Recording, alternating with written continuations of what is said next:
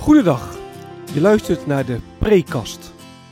Een podcast over de preek die ik afgelopen zondag gehouden heb in de Maranatenkerk in Bunschoten, Spakenburg. Fijn dat je luistert. Mijn naam is Gertjan van Harten. Wat kun je verwachten van deze podcast?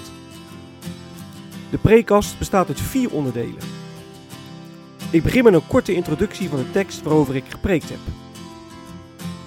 Vervolgens geef ik een korte samenvatting van de preek zelf. En met korte samenvatting bedoel ik ook echt kort.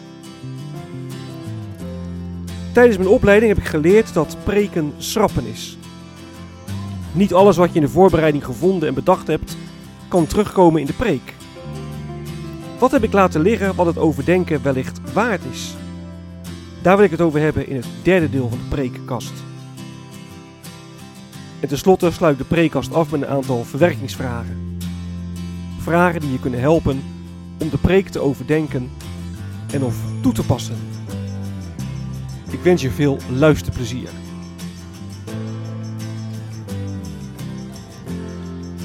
De tekst.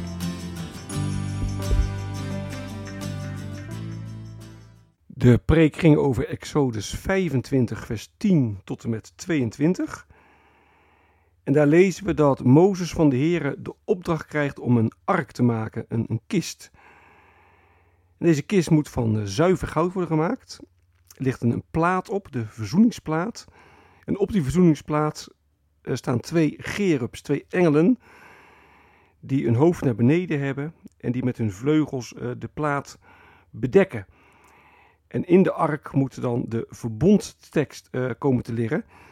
Dat zijn de twee stenen tafelen waarin God de wet had gegraveerd. En dan zegt vers 22: Boven de verzoeningsplaat, tussen de twee gerubs, op de ark met de verbondtekst, zal ik met je spreken en je alles zeggen wat ik van de Israëlieten verlang. De preek.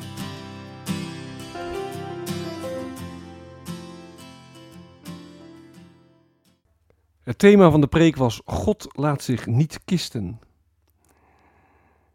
Wie is God voor jou? Dat is een, een goede en een gevaarlijke vraag tegelijk. Maar het is een goede vraag omdat je over God kunt praten zonder dat het je persoonlijk raakt. En dan is het heel helzaam om jezelf de vraag te stellen: ja, wie is God nou voor mij? Maar het kan ook een gevaarlijke vraag zijn omdat wat jij vindt haaks kan staan op wie God daadwerkelijk is. En daarom moeten we eerst een andere vraag beantwoorden. Eerst moeten we de vraag beantwoorden: wie wil God voor je zijn? En dan, wie is God voor je? En bij de vraag wie wil God voor je zijn, kan de tekst ons een, een richting wijzen. Mozes moet een ark bouwen. De ark stond symbool voor Gods aanwezigheid bij zijn volk. En de ark was een ja, relatief kleine kist. Hij was nog geen, nog geen anderhalve meter lang. Hij was nog geen meter hoog en nog geen meter breed. Een kleine kist dus, maar vergis je niet. op de ark stonden twee gerubs. Dat waren indrukwekkende wezens met uiterlijke kenmerken van mensen en dieren. De Bijbel laat zien dat gerubs engelen zijn die de troon van God bewaken en die de Heer vervoeren. Het zijn indrukwekkende wezens. Maar deze indrukwekkende wezens buigen voor de Heer. Denk dus niet te klein van God. Als die, als de gerubs buigen voor hem. Er komt bij dat de ark van zuiver goud is. En de ark weerspiegelt de heiligheid van God. Nogmaals, denk niet te klein over hem. God laat zich niet kisten. God is heilig. Nou, ook al is de Heer heilig, toch wil hij zich verbinden met mensen. En daar kunnen we ons niet genoeg over verwonderen. de mens is bij de zondeval in opstand gekomen tegen God. En ook wij zondigen steeds weer. En je zou dus zeggen dat God alle recht had om de mensheid te laten vallen. Maar dat deed God niet. Mozes moet een ark maken. God zegt: Ik wil bij mijn volk zijn. God neemt geen afstand van de mens. Wat een wonder van genade. Op de ark lag een plaat, de verzoeningsplaat. En die plaat geeft aan, hè, wij kunnen niet zomaar bij de Heer komen. Er is verzoening nodig. En één keer per jaar op grote verzoendag besprenkelde de hoge priester de verzoeningsplaat met het bloed van het offerlam. En dit verwees naar het bloed van Jezus Christus.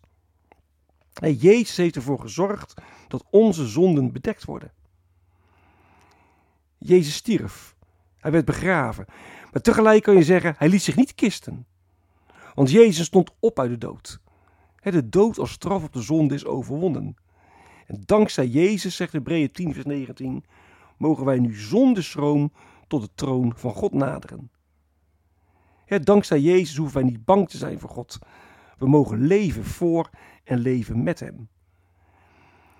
En ook dat maakt de ark duidelijk.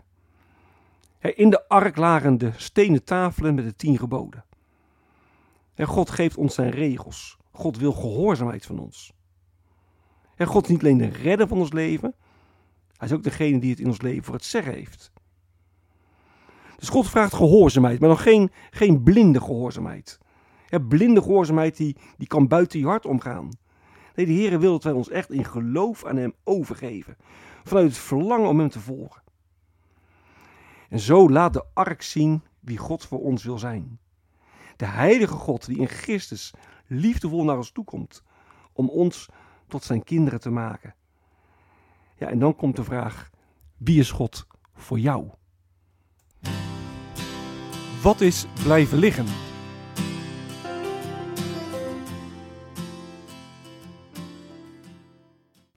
Op de verzoeningsplaats moesten twee gerubs komen.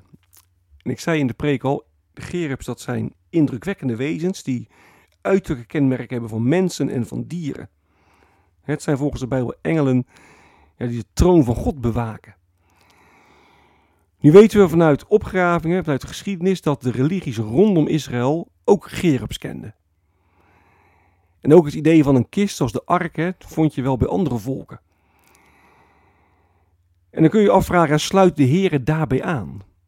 Openbaart hij zich in een taal die, die men in die tijd kende en die, die bekend was? Of moet je wat hier staat van die gerubs, moet je dat letterlijk nemen? Letterlijk nemen in die zin dat gerubs inderdaad echt bestaan. Even heel kort de bocht, anders geformuleerd. Moet Mozes gerubs maken omdat ze echt bestaan? Er zijn ook wel andere bijbelteksten die over gerubs spreken. Of moet Mozes gerubs maken omdat gerubs een bekend beeld uit die tijd was? En dan kon mensen, kon, eh, de Israëlieten, die konden zich daar iets meer voorstellen, omdat in de volken rondom hem ja, ook deze gedachten leefden in hoeverre maakt God bij de openbaring gebruik van beelden die bekend zijn? In hoeverre sluit hij aan bij, ja, bij de tijd waarin hij zich openbaart? En wat betekent dit dan voor ons godsbeeld en nou, voor het lezen van de Bijbel? Dat zijn natuurlijk hele spannende, maar ook wel hele belangrijke vragen. Dus vanuit uh, Exodus uh, ehm, 25 kun je ook een preek maken over de gerubs en over de manier waarop God zich in zijn woord openbaart. Ik heb in de preek niks gezegd over de gouden ringen die aan de ark zaten. En ik heb niks gezegd over de draagbomen die in die ringen gestoken moesten worden en daarin moesten, moesten blijven. waarom uh, moesten die draagstokken erin blijven? Waarom konden de Israëlieten dat, die uh, er niet uithalen? Nou, ik las wel in een van de commentaren, ik vond het wel een aardige, die zegt ja, de draagstokken moeten zo opgepakt kunnen worden want je moet zo verder kunnen reizen. Het geeft aan, we zijn vreemdelingen hier op aarde. Anderen die eh, wijzen er ook op dat er draagbomen waren omdat de ark heilig was. Die mag niet aangeraakt worden. Nou, die, die, die, draagbo die draagbomen en uh, die ringen, ja, die hebben ook weer een eigen uh, symboliek, waar ik in de preek dus niks over gezegd heb, maar waar je ook wel het een en ander over zou kunnen zeggen in de preek. En het laatste wat ik wil noemen is um, vers 22. Daar staat dat de Heer zegt uh, tegen Mozes: Ik zal je ontmoeten hè, bij de ark. En vanaf die plaats, boven de verzoeningsplaats, tussen de twee gerubs op de ark met, met de verbondtekst, zal ik met je spreken. En je alles zeggen wat ik van de Israëlieten verlang. Het gaat me nu even over dat spreken. Ik ga daar met jou spreken. Hoe deed God dat? Hij kreeg Mozes daar echt, echt, echt een stem te horen? Kreeg je daar een droom of een visioen? En hoe sprak God? En ja, de vraag die je natuurlijk aan vast uh, kunt koppelen, hoe spreekt God vandaag? In het Oude Testament sprak God door profeten, door dromen, door visioenen. Hij sprak rechtstreeks, kun je zeggen. Doet hij dat nog steeds? Of doet de Heer dat niet? Of doet hij dat alleen af en toe, incidenteel? En welke rol speelt in het denken hierover? Nou, bijvoorbeeld een tekst als Hebreeën 1, vers 1 en 2. daar staat op velelei wijzen en langs velelei wegen heeft God in het verleden tot de voorouders gesproken door de profeten. En nu, aan het einde van de tijd, en na de komst van Jezus, heeft hij tot ons gesproken door zijn zoon, die heeft aangesteld als erfgenaam van alles wat bestaat. Spreekt God nu anders dan toen of niet? En hoe voorkom je misbruik als het gaat om spreken van God? Ja, meer dan eens heb ik al meegemaakt dat mensen zeggen: Ja, God heeft dit of dat tegen mij gezegd. En dan volgt er iets ja, waar vervolgens eigenlijk niet meer over gepraat kan worden. Of niet meer over gediscussieerd kan worden. Ja, God heeft gesproken. En als God spreekt, ja, dan rest ons maar één ding. En dat is luisteren.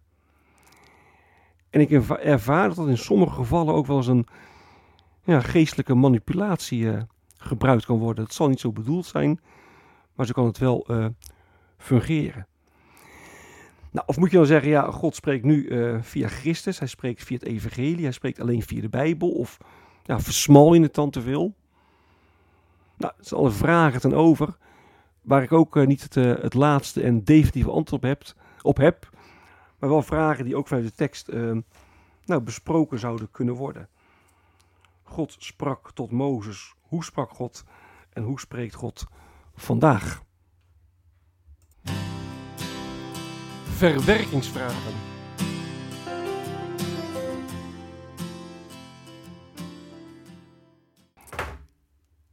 Ik eh, begon de preek met de vraag: wie is God voor jou? En ik heb geprobeerd om uit te leggen dat dat een, een goede en een gevaarlijke vraag tegelijk is. Maar ook een goede vraag dus. En vandaar dat ik die vraag ook nu hier neerleg. Wie is God nou voor jou? Nou, in de ark lagen de tien geboden. de, de twee stenen tafelen waarin God zelf zijn, uh, zijn wet geschreven had. Om aan te geven dat leven met God niet alleen maar een kwestie van verzoening is, maar ook een kwestie van gehoorzaamheid is.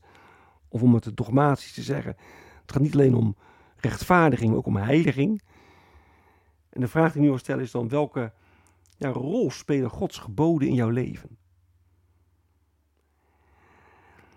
Nou, ieder jaar mocht de hoge priester uh, met het bloed van het lam op grote verzoendag bij de ark komen en de verzoendeksel besprenkelen met het bloed, met het bloed van het lam. Hebreeën zegt, Hebreeën 10, wij mogen zonder schroom naderen tot God. Jezus heeft het volmaakte offer gebracht. En de vraag is, in hoeverre nader jij nou echt zonder schroom de troon van God? Durf je dat? Of is er toch een nou, bepaalde afstand, misschien angst, onzekerheid? Heb jij inderdaad geen schroom om tot, uh, tot God te naderen?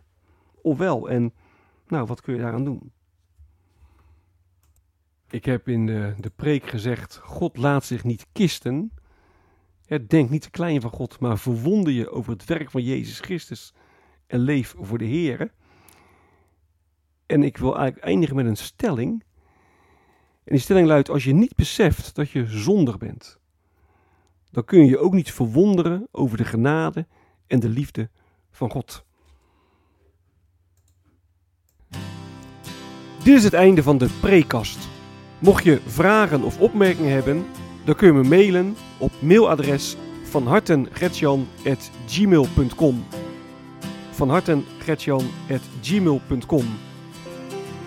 Ik wens je nog een hele prettige dag. Hartelijk dank voor het luisteren. En wie weet tot een volgende keer.